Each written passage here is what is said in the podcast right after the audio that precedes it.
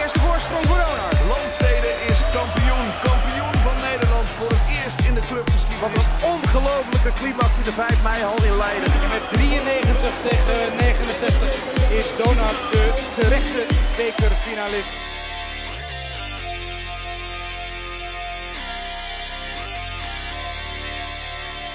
Welkom bij DBL on Sunday.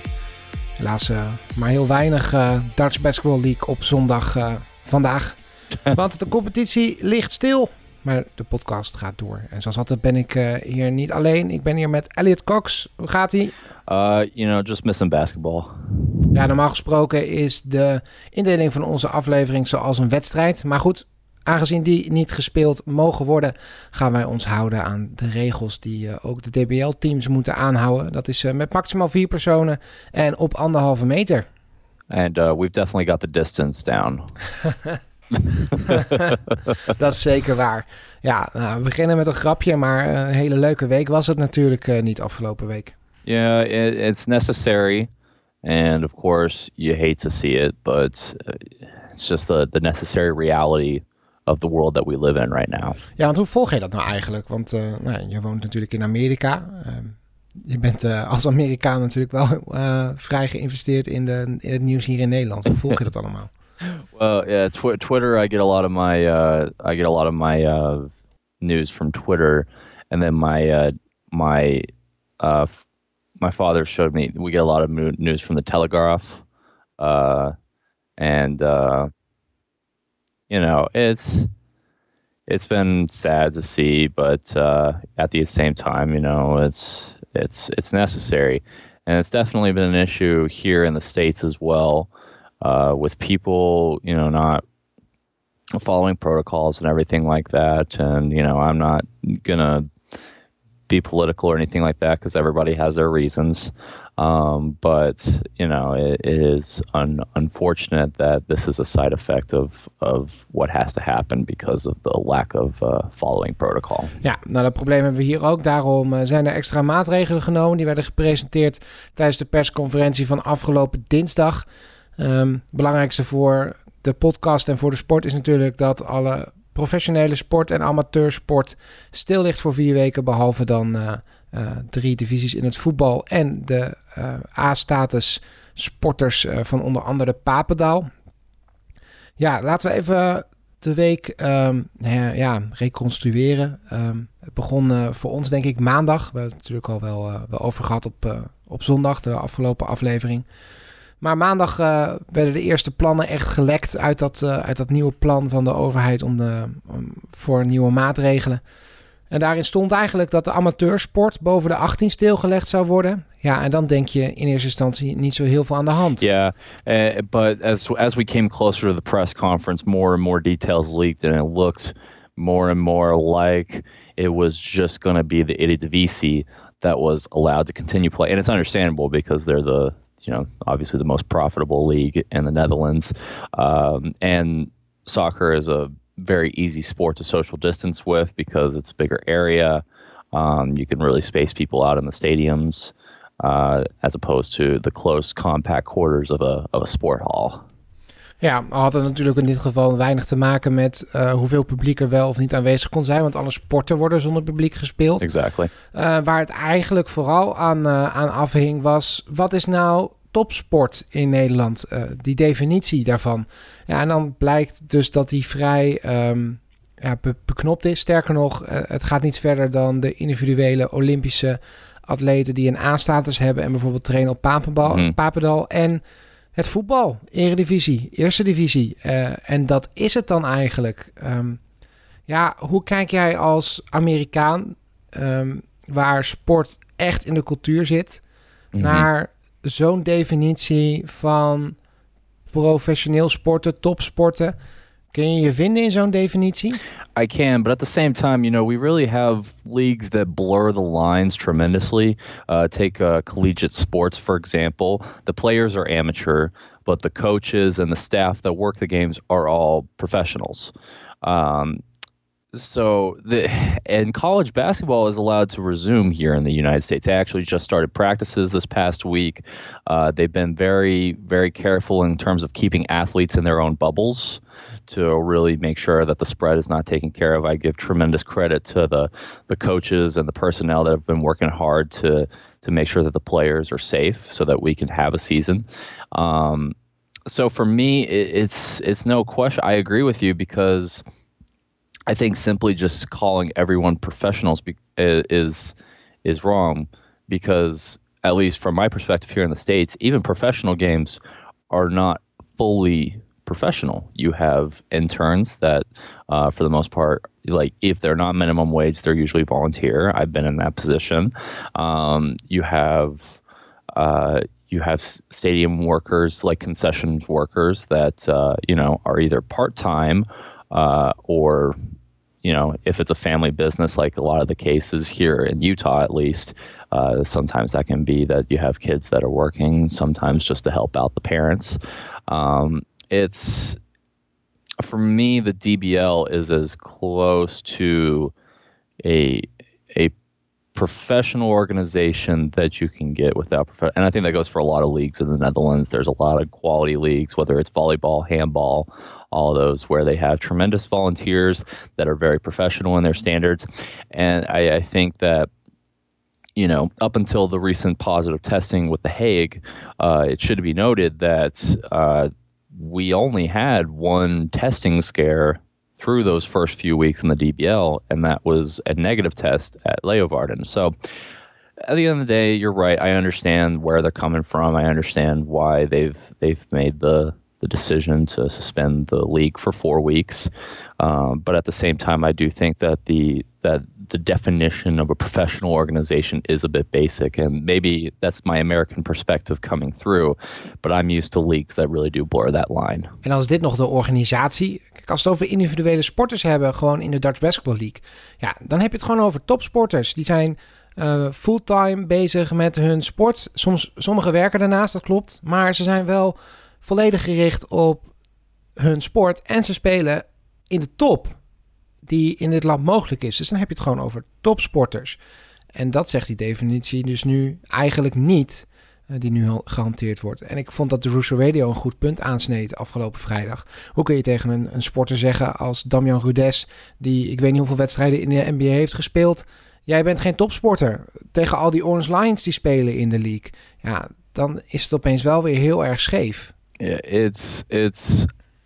I mean, I understand from a perspective because obviously you have organizations like Apollo where the players are semi-pro and they have jobs outside, but that's not the case across the league. You have player, I mean, organizations like Donar and Heroes they bring in full-time professional athletes, and they and even the semi-pro athletes for Apollo like Versteeg, uh, they approach the game with the level of professionalism, and they're all but professionals in name because they they work hard, they practice a ton, they work jobs that allow them to to complete their full practice schedule to, in accordance with the DBL, and so for me, it's no question. I think that uh, you know, I it's a it's a disappointing way that they executed it because it does really feel like you're taking away the legitimacy of the DBL. And we're already seeing some of the effects with that with some players leaving because, you know, they want to be treated like professionals and they're not getting that. Ja, ik denk dat jij dus nu refereert aan het vertrek van Bowie bij Zorg en Zekerheid Leiden, of niet? Yes, exactly. Ja, want daar is ook yeah. al het gerucht, en ik hou eigenlijk helemaal niet uh, van geruchten, uh, dat, uh, dat Stif daar ook misschien weg zou willen. Um, mm -hmm. Dat is natuurlijk sowieso iets spannends. Alle buitenlandse spelers, hoe lang willen die blijven? Um, um, en gaan we ze misschien wel meer zien vertrekken naarmate de maatregelen langer duurden? Aan de andere kant hebben we wel positieve geluiden, bijvoorbeeld vanuit Donar. Mm -hmm. Op dit moment, ik las een interview met, met de coach in Sport Noord. Daar zijn nog geen geluiden dat spelers weg willen. Um, ja, alle teams proberen volgens mij maar gewoon echt het, het beste van te maken op dit moment. And uh, Almere Sailors too have been uh, really doing the most they can with the restrictions to make sure that their players are are still getting the level of uh, attention and uh, practice that they're ja, accustomed to, albeit you know working around the the uh, the new restrictions and making sure that they're in accordance with them. a lot of organizations have been doing that, and um, uh, I give credit to to the teams, to the clubs for uh, stepping up and uh, making sure that their players are taken care of. Ja, dat van Almere was uh, heel duidelijk op een Instagram-account. Uh, maar goed, alle teams doen natuurlijk alles de, uh, wat ze kunnen binnen de huidige regelgeving. ik zag ook al wat individuele DBL-spelers die toegang hadden tot een, tot een, een indoor baskethalletje. om daar wat te kunnen trainen. Toch blijft het heel oneerlijk verloor. Mm het is um, um, natuurlijk een beetje raar gegaan. Want direct na de persconferentie werd dus duidelijk dat eigenlijk de enige twee competities die door mochten, dat dat de Eredivisie en de Keukenkampioen-divisie is. Nou, als er één competitie is in Nederland die eventueel door zou kunnen, dan is het de Eredivisie. Dat is de enige competitie volgens mij in Nederland die volledig prof is alle spelers, alle betrokkenen, coaches, uh, ondersteunende, ja. ondersteunend personeel, die, die kunnen ervan leven. En dan ga je naar de, de keukenkampioen-divisie. Dan zit je daar al meteen met spelers uh, ja, die, uh, die misschien niet full prof zijn. Ook nog andere uh, dingen doen erbuiten. Ja, dat wil je dus mm. niet. Maar dan kwam er dinsdagavond ook ja. een andere uitzondering al meteen bij. Dat was namelijk de vrouwen-eredivisie. Een terecht punt wat wel meteen aangehaald wordt hoor. De mannen krijgen de uitzonderingen, de vrouwen niet. En ik denk dat die gendergelijkheid een hele, hele belangrijke issue is. Ik zag vandaag alweer een plaatje van uh, met Sue Bird en LeBron James. Um, allebei 17 jaar op het hoogste niveau. Sue Bird natuurlijk in de WNBA, LeBron James in de NBA. Um, en um, het jaarsalaris van Sue Bird plus de bonus die, hij, die ze heeft gekregen omdat mm. ze de titel heeft gewonnen was nog niet eens hoger dan alleen de bonus van LeBron James omdat hij de titel heeft gewonnen. Daar zat zijn jaarsalaris nog niet eens bij. Dus die, die gelijkheid tussen man en vrouw in de sport is nog steeds een ongelooflijk belangrijk onderdeel. Alleen als je naar deze context kijkt nu rondom de coronamaatregelen, dan gaat het niet om, om, om dat soort onderwerpen, dan gaat het om veiligheid. Um, en als je de keukenkampioen-divisie door kan laten gaan en de vrouwen-eredivisie, met alle respect, dan kun je ook bijna alle andere topcompetities in Nederland door laten gaan. Dus je moet eigenlijk gewoon zeggen, of alles mag mm-hmm. door, of alles stopt. And I understand from a standpoint, you know, you can only allow so many exceptions before you have to allow all the exceptions, and they're being careful with that. But I do agree that the the, the execution was uh, was poorly done because you don't make your standards clear. People are want to make sure that this is continuing in a fair and safe way. You know, it does it's not just about safety. It has to be fair to the parties involved because at the end of the day, sports is business and these are people's uh, livings that are on the line and so you have to be you have to take that into consideration i mean we've seen here in the us where you know thousands of stadium workers have had to be have had to be furloughed and laid off, and uh, that's because of the lost income due to the virus. Um, now, of course, the, the DBL relies heavily on volunteers, so they fortunately don't have to stress about that as much. Uh, but for me, the the clear, at least, and I, this is probably not how it was intended, but the message that came off to me was that soccer is what matters they have a vested interest in keeping soccer going, and I think that hurts the the well-rounded nature of of sport in the Netherlands because uh, the basketball team has been making great strides. Uh, you know, you have other emerging sports such as Exactly. You have uh, other emerging sports like rugby that have been making pushes to finally participate in the World Cup, and uh, of course, the the Dutch volleyball team is a, is an excellent performer in the Olympics every year. Uh, you're you're delegitimizing those sports and basically saying we only care about soccer because that's what makes us money. And I don't know if that's what they intended, but it's certainly how it came off. Ja, en helemaal, kijk, ik noemde net, als je één competitie door kan laten gaan, dan is het de Eredivisie. Of je dat moet doen is natuurlijk een tweede vraag. Ik zou zeggen eigenlijk ook van niet. Want uh, de ene mm na de andere coronageval komt je om de, komt je om de oren. Uh, ik, ontzettend veel bij AZ, um, ook al bij FC Groningen. En dan krijg je hier en daar wat individuele coronagevallen bij de andere teams. Ja, dan is het gewoon ook niet meer vanuit dat veiligheidsoogpunt uh, te verkopen. Dan moet je gewoon zeggen: jongens, we trekken de stekker eruit. We gaan alle sport even stilleggen voor de komende weken.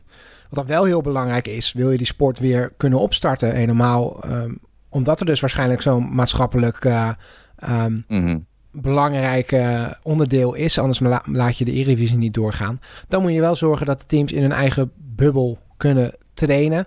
Um, en ik vind het jammer dat, uh, dat er eigenlijk al zoveel deuren dicht zijn gegooid door de minister. Uh, voordat er gesprekken zijn mm plaatsgevonden. Dus ik hoop echt als uh, ze komende week om de tafel gaat met, met het NOC, NSF. Dat, dat de trainingen wel door mogen gaan. Want die zijn essentieel voor alle competities. Om zo snel mogelijk weer door te gaan. Mocht dat, mocht dat kunnen binnen de maatregelen van de overheid. I, I agree. I think practicing is the most important thing at this point. I think at least a two week suspension uh, for the Eredivisie would do good to help control the spread because we all know that COVID needs to at least have a two week waiting period to, to for the uh, symptoms and uh, the cont- contagiousness to, to wear off tremendously. Um, I think a two week suspension for the Eredivisie would be benefit, and also it would solve this issue of of uh, vast inequality between soccer and the rest of the sports. Uh, in terms of the treatment by the, by the government of the Netherlands.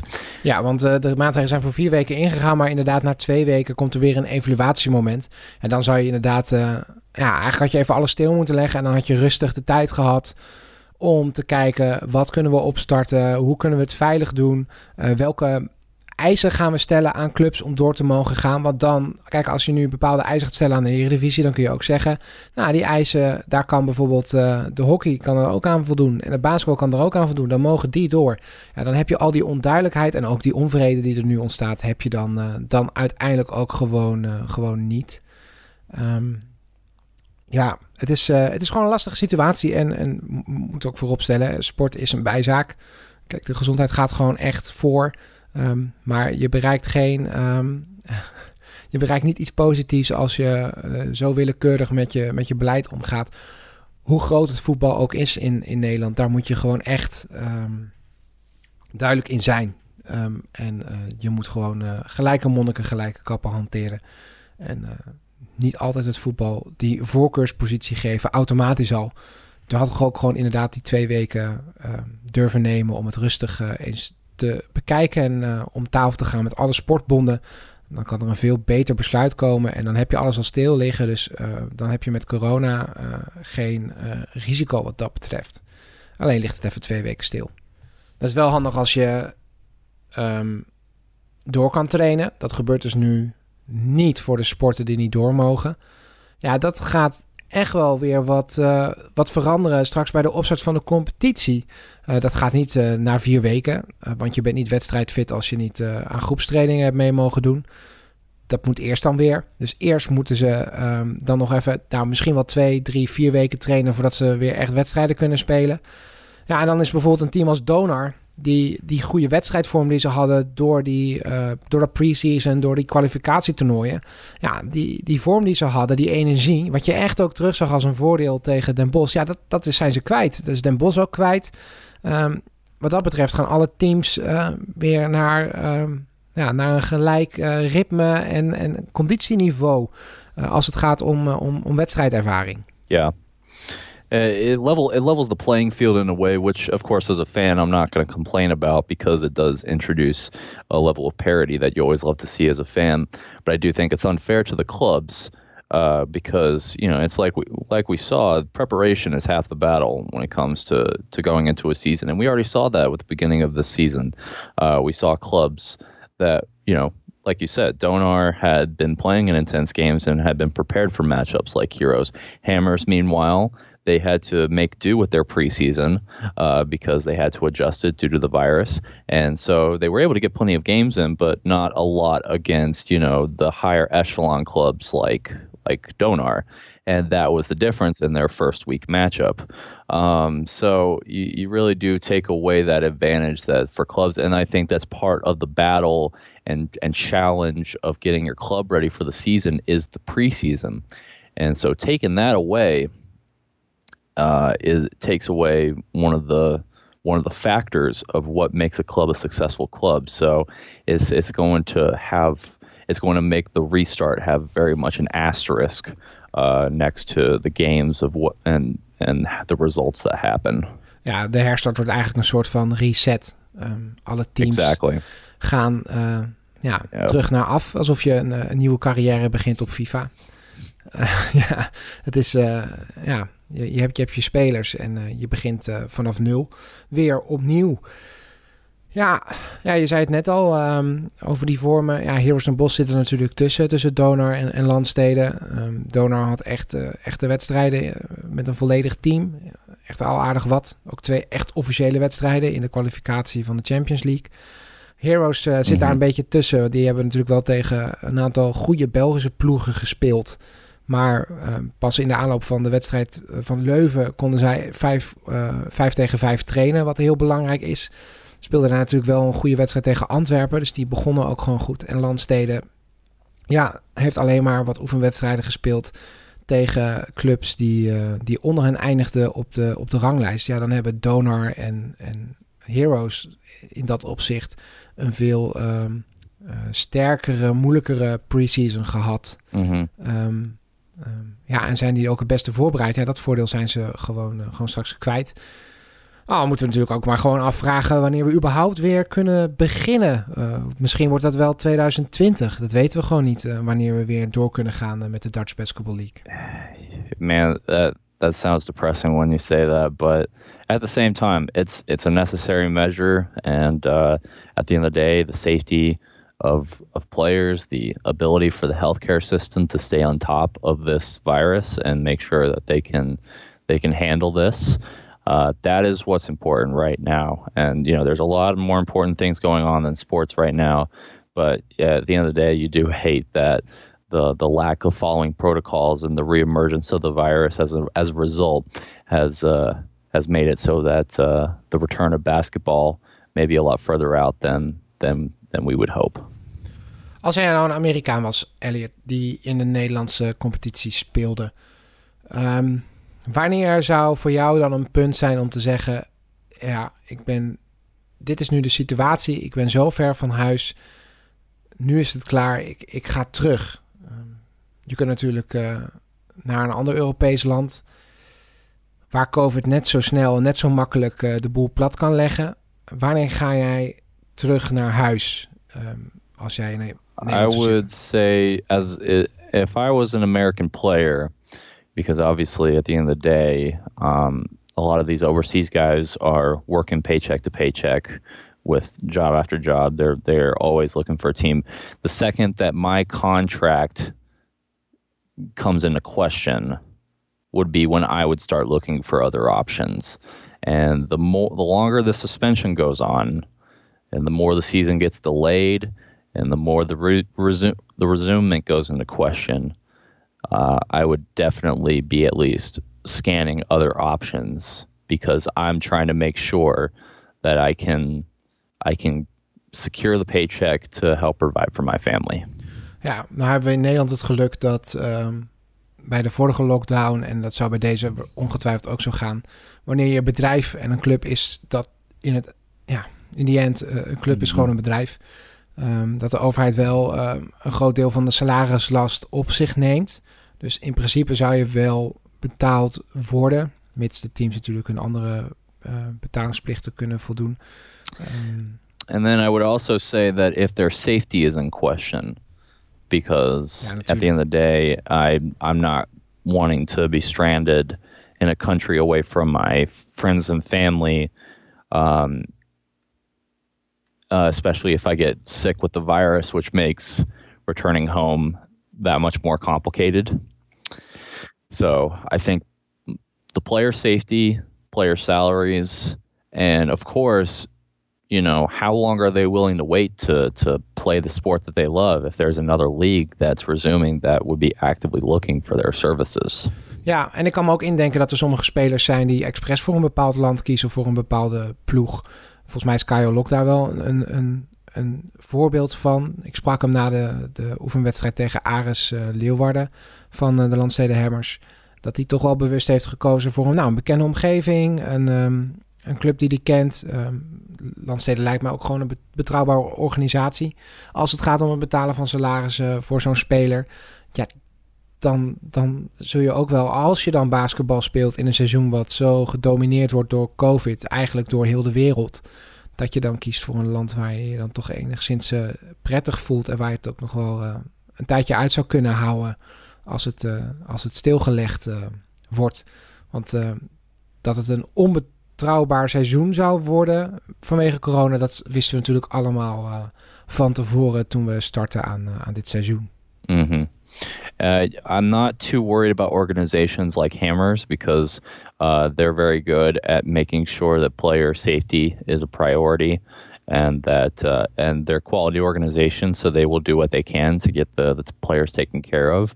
Um, if it, the the question becomes with organizations like Leiden, where we're already seeing players leave, um, which is unfortunate because, uh, especially for uh, Bowie, that you know he he started off the season looking like one of Leiden's go-to guys, uh, and uh, now with him gone, there that point guard spot is vacant, and uh, it it does put into some question the organizational, uh, you know, the the front office and and board competency is going to really be tested in these next couple months because players aren't going to stick around for for dumpster fires if they can't I mean to put it bluntly if they can't play.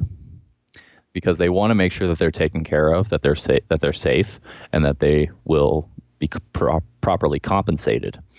And so uh, this is this is really going to be a time to see when uh, how the front offices do at managing distractions and taking care of their players. And I think that's going to be.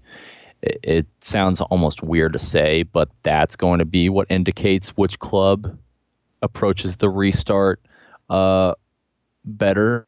Het is niet meteen wie traint het best, maar. But which organizations can keep their players around. Ja, en de, en de fans. Uh, heel veel uh, clubs leunen natuurlijk op de steun van hun supporters. Yes. Doordat zij seizoenskaarten hebben gekocht of een kaartje voor de livestream. Um, ja, die, daar moet je wel in contact mee blijven. Uh, want we gaan weer een, een, pauze in van een aantal weken. Waarin uh, de fans konden sowieso al niet naar, naar de stadion. Mm -hmm. We konden wel wedstrijden zien op de stream. En je zag ook dat teams echt investeerden om daar, uh, daar beter hun best te doen. Om uh, wat te bieden aan hun, aan hun supporters.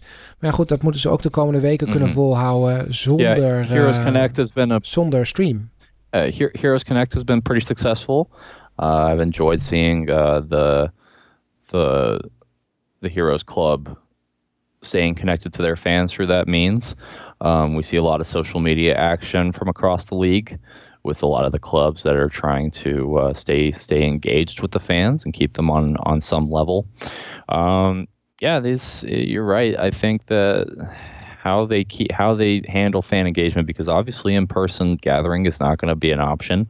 You have to be creative with how you do it virtually it's gonna be it's it really is going to be interesting to see how how a lot of teams go on. Maybe some model the heroes and try their own live streams and events and that kind of stuff, um, or maybe some take the simpler route of you know purely social media events. I'm not sure, but I uh, I look forward to seeing how how they stay connected, which obviously is also going to be a uh, you know that's going to be an issue with a lot of sports leagues across the world, and of course our accounts because trying to make sure that our our that the fans uh, because I mean I'm I'm just a I'm just a kid from from America who uh, is in the process of moving to the Netherlands, but you know I I don't speak the language very well. The amount that the community has the, the level that the community has embraced me has been humbling and uh, just a tremendous experience. And so, trying to make sure that I that we stay connected with the community as well through these next couple months is going to be interesting. And so, if that's how we have to approach it, the teams have to do it on such a higher level because their fans are going to be integral to continuing these clubs. Ja, nou wij gaan in ieder geval door met, uh, met ons podcastwerk. we gaan iedere zondag blijven we deze podcast opnemen, DB on Sunday. Ik ga door met uh, de Dutch Basketball podcast. Um, om toch maar gewoon een beetje basketbal te hebben iedere week. Ondanks dat er dus geen wedstrijden gespeeld, gespeeld worden.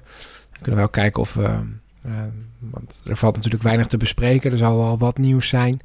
maar geen, geen uitgebreide wedstrijdbesprekingen zoals we dat hebben gedaan de afgelopen weken.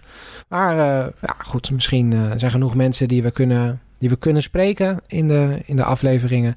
Um, dingen die we buiten per se dit seizoen om kunnen bespreken over onze, ja, onze ja, toch al liefde nu voor de Dutch Basketball League. Ja, dat is eigenlijk wat we de komende weken kunnen doen, toch? A, yeah, it's a, it's a, it's a challenge, but uh, honestly, with the way that the, the community has embraced us, uh, we're just, I'm just looking forward to continuing to cover the league and, and work with the, with the fans and players. Ja, nou dat is even voor de nieuwe maatregelen. Heb jij nog andere dingen uh, die uh, speelde de afgelopen week binnen het, uh, het Nederlands basketbal waar je het nog even over wil hebben?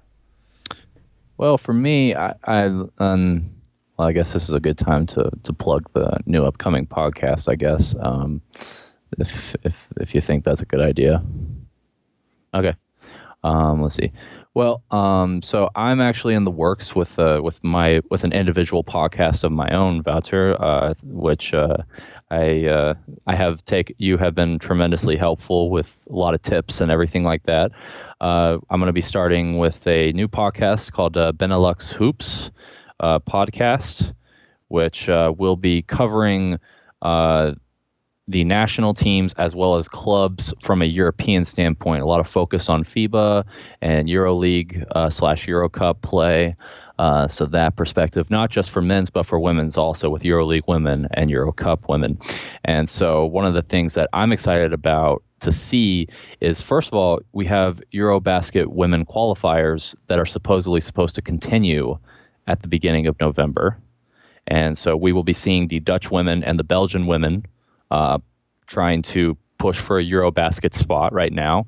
Netherlands, uh, right now, the Dutch women, they are in second in their group and are right now looking like they'll qualify. And the Belgian women, of course, they have a very talented team uh, with uh, WNBA players like Emma Mieseman.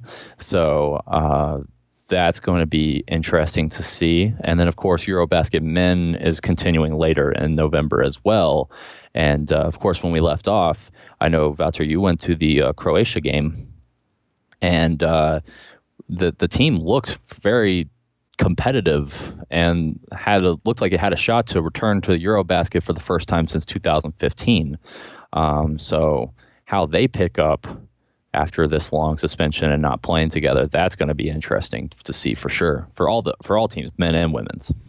Ja, want het uh, Nationaal Vrouwen 5x5 team die uh, heeft de, bubbel toegewezen gekregen in Amsterdam. Dus die mogen het organiseren.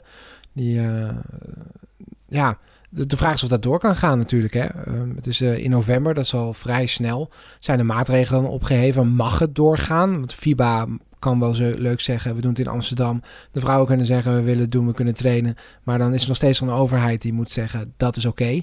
Um, en het feit, stel je voor dat ergens anders gespeeld wordt, kunnen de vrouwen allemaal trainen van tevoren. Kunnen we in een vorm komen dat we die, um, die twee belangrijke wedstrijden kunnen winnen om deelname aan het EK verder veilig te stellen. Um, dat zijn natuurlijk allemaal dingen die, uh, die erbij komen kijken. For sure, and, and in order for them to pull that off, I mean, obviously we'll be we'll be hosting the Slovakian and Hung Hungarian teams.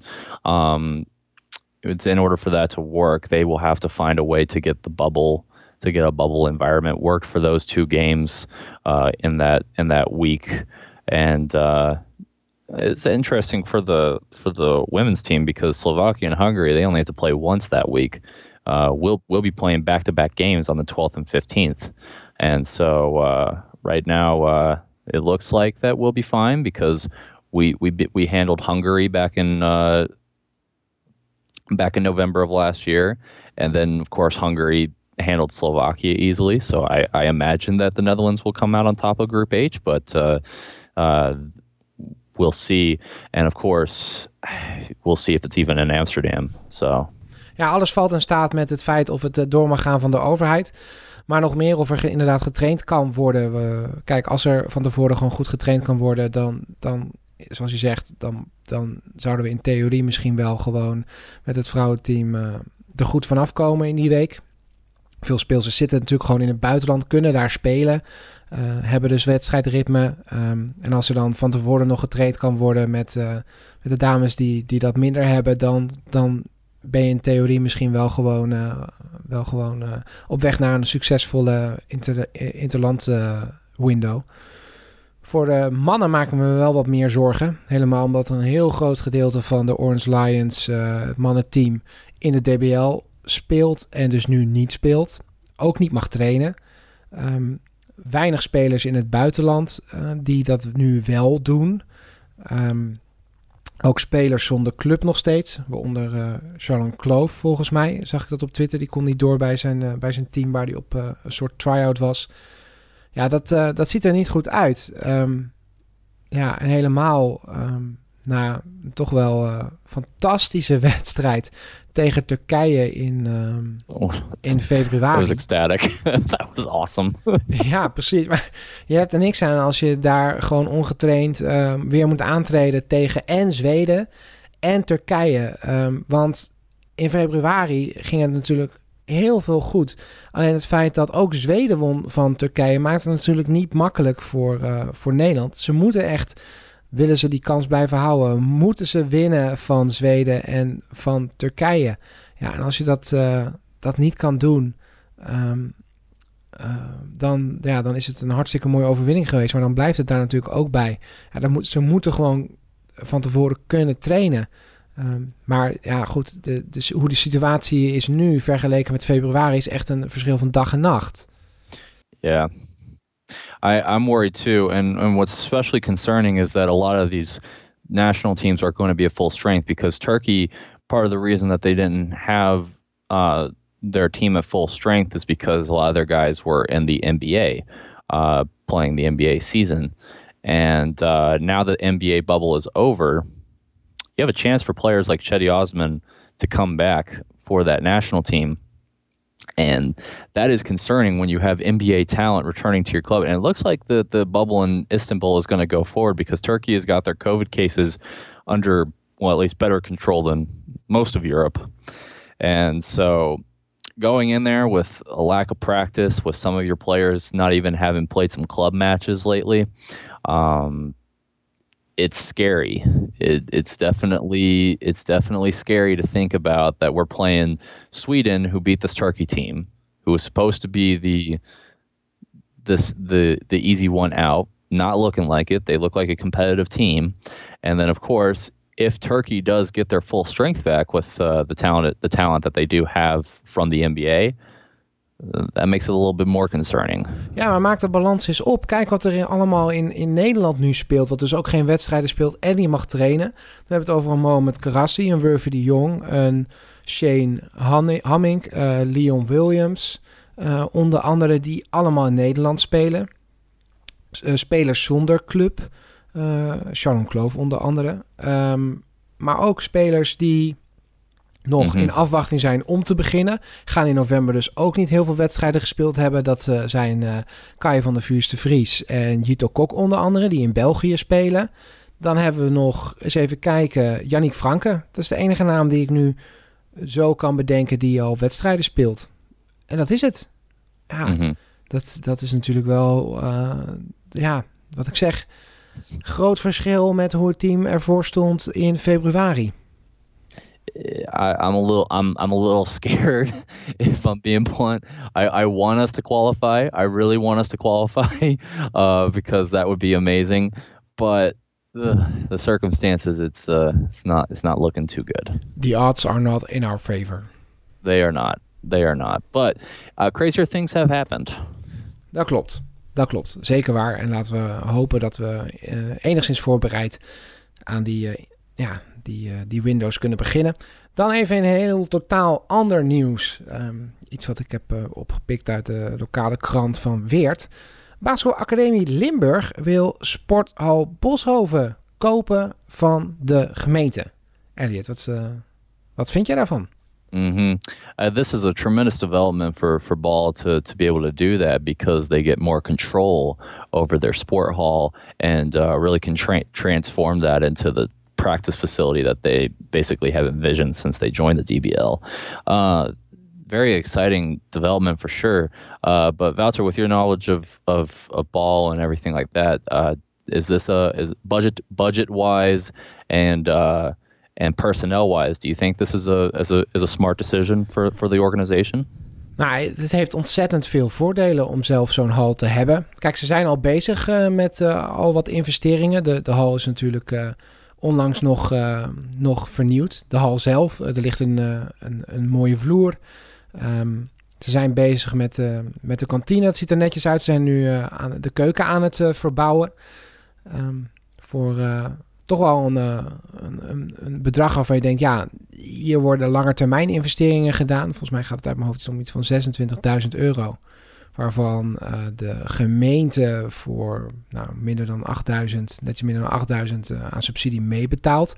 Ja, dat betekent dat je als, als organisatie gewoon echt aan het groeien bent. Uh, ze zijn natuurlijk een, een opleidingsinstituut voor basketbal.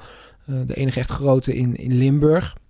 Ja, dat, dat laat je, dan laat je zo wel zien dat je echt bezig bent aan het ontwikkelen van een, van een, een organisatie waar, waar je steeds meer topsportmensen kunt opleiden. En kijk, een, keuken, een goede keuken hoort erbij, want daar gaan die spelers hun maaltijden klaarmaken uh, die ze voor en na de training eten. Ja, dan, dan bied je steeds meer faciliteiten zoals je die verwacht van een topsportorganisatie. Voeding speelt daar een grote rol in. Dat hebben we ook al in het verhaal van, van um, Bob van Oosterhout gehoord in een van de afgelopen afleveringen van de Dutch Basketball podcast. Dat, dat, uh, dat voeding daarbij ook een grote rol uh, speelt. En dat het ook wel gezien wordt als een, als een professionele stap. Ja, en dan het, het overnemen van zo'n hal. Um, je, hebt de regie helemaal in eigen handen. Um, ja, je kunt daar zelf nu je trainingen inplannen. Je kunt wedstrijden inplannen zonder dat je rekening hoeft te houden met uh, eventueel andere partijen die gebruik maken van die sporthal door de gemeente. Um, je hebt natuurlijk wel voor jezelf de, de onderhoudskosten. En wil je een keer wat verbouwen, ja, dan zou die subsidie misschien wat, uh, wat minder snel komen of juist helemaal niet. Maar aan de andere kant biedt het heel veel kansen uh, voor zo'n club. Kijk, als je bijvoorbeeld kijkt naar wat Heroes Den Bosch steeds in de Maasport organiseert. Ja, als jij zelf ook een locatie hebt die van jezelf hebt waar jij dingen kan organiseren. Uh, zoals bijvoorbeeld een clinic of een business meeting. Um, ja, alles, alles, wat je, alles wat je daarmee verdient gaat niet, hoeft niet meer naar een andere partij, naar een eigenaar of een uitbater. Dat gaat gewoon rechtstreeks in de, in de clubkas. Um, ja, ik vind het gewoon, ik vond het een positief bericht weer. Uh, zoals Weert mij toch steeds weer positief verrast door de stappen die ze zet als organisatie. En ja, ik ben niet heel verbaasd, zeg maar, dat ze deze stap willen zetten. De hal wordt over vijf jaar afgeschreven. De gemeente gaat dan toch kijken naar of verbouwing of een nieuwe hal. Ja, pak inderdaad dan deze kans om, uh, om uh, Sporthal Boshoven over te nemen. En um, zo uh, weer verdere stappen te zetten in de groei van je organisatie. Dat vind ik wel echt bij Basketbalacademie Limburg passen. I agree. And you know, uh, BAL is always, ball's always going to have the... the microscope on them in a way because obviously it's tough for a basically a a youth development club to re- be that professional club in a place where you know obviously bas- basketball stars vert was a was a storied club uh, and won the won the DBL once, and uh, you know this is going to be a tremendous step for that organization to take the, the next step and and and their growth. Uh, we've seen constant growth from this club year after year as they get more acclimated to to the DBL, and they've really decided to make their niche that youth development, uh, taking youth that other clubs uh, just give up, like uh, like Jeffries from from Donar and uh, uh, I think having a top-notch facility that you own, you can control the regiment that the players that the players uh, live. You can control their their practice routine and help them feel the most professional that you can as an organization. That's going to really help them uh, take the next step and control that niche. And uh, I, I think that uh, if they if they play their cards right and can get the, the sport hall and transform it into a, a center for basketball, uh, be it uh, ball could really become the uh, the go-to development club. Ja, zeker. Ben ik het uh, mee eens. We gaan het zien. Uh, ja, dat was hem dan voor, voor deze week. Ja, toch helaas geen wedstrijden. Veel over COVID gehad. Nou, we gaan kijken wat we de komende week gaan doen. maar in de tussentijd kun je ons in ieder geval volgen op social media, Elliot. just make sure to give us a follow on Instagram. Uh, uh, of course, give Voucher a follow at Dutch Basketball Podcast, and then of course follow us at uh, DBL underscore on underscore Sunday, and uh, make sure to engage with our stories. We're we're really looking forward to uh, to work with you. I know we were a little bit more hands off this past week. We were waiting to see what the the verdict was going to be with the uh, with with the minister, but we'll be back at it this week and uh, we're really looking forward. And of course, uh, I have my upcoming podcast, uh, Benelux Hoops, and uh, if you would, and uh, so keep an eye out for that when uh, when that is announced, and uh, would appreciate the support there. Just thrilled every day that I can I can work with with with you, Voucher, and this tremendous community. And it's it's humbling, and I I mean I, I know I'm from America, but it makes me more and more proud to, to uh, represent the Netherlands in this way. Hartstikke mooie woorden. Um, ja, bedankt Elliot voor deze aflevering. En um, jullie luisteraars, hartstikke bedankt voor het luisteren. Volgende week zijn we er weer.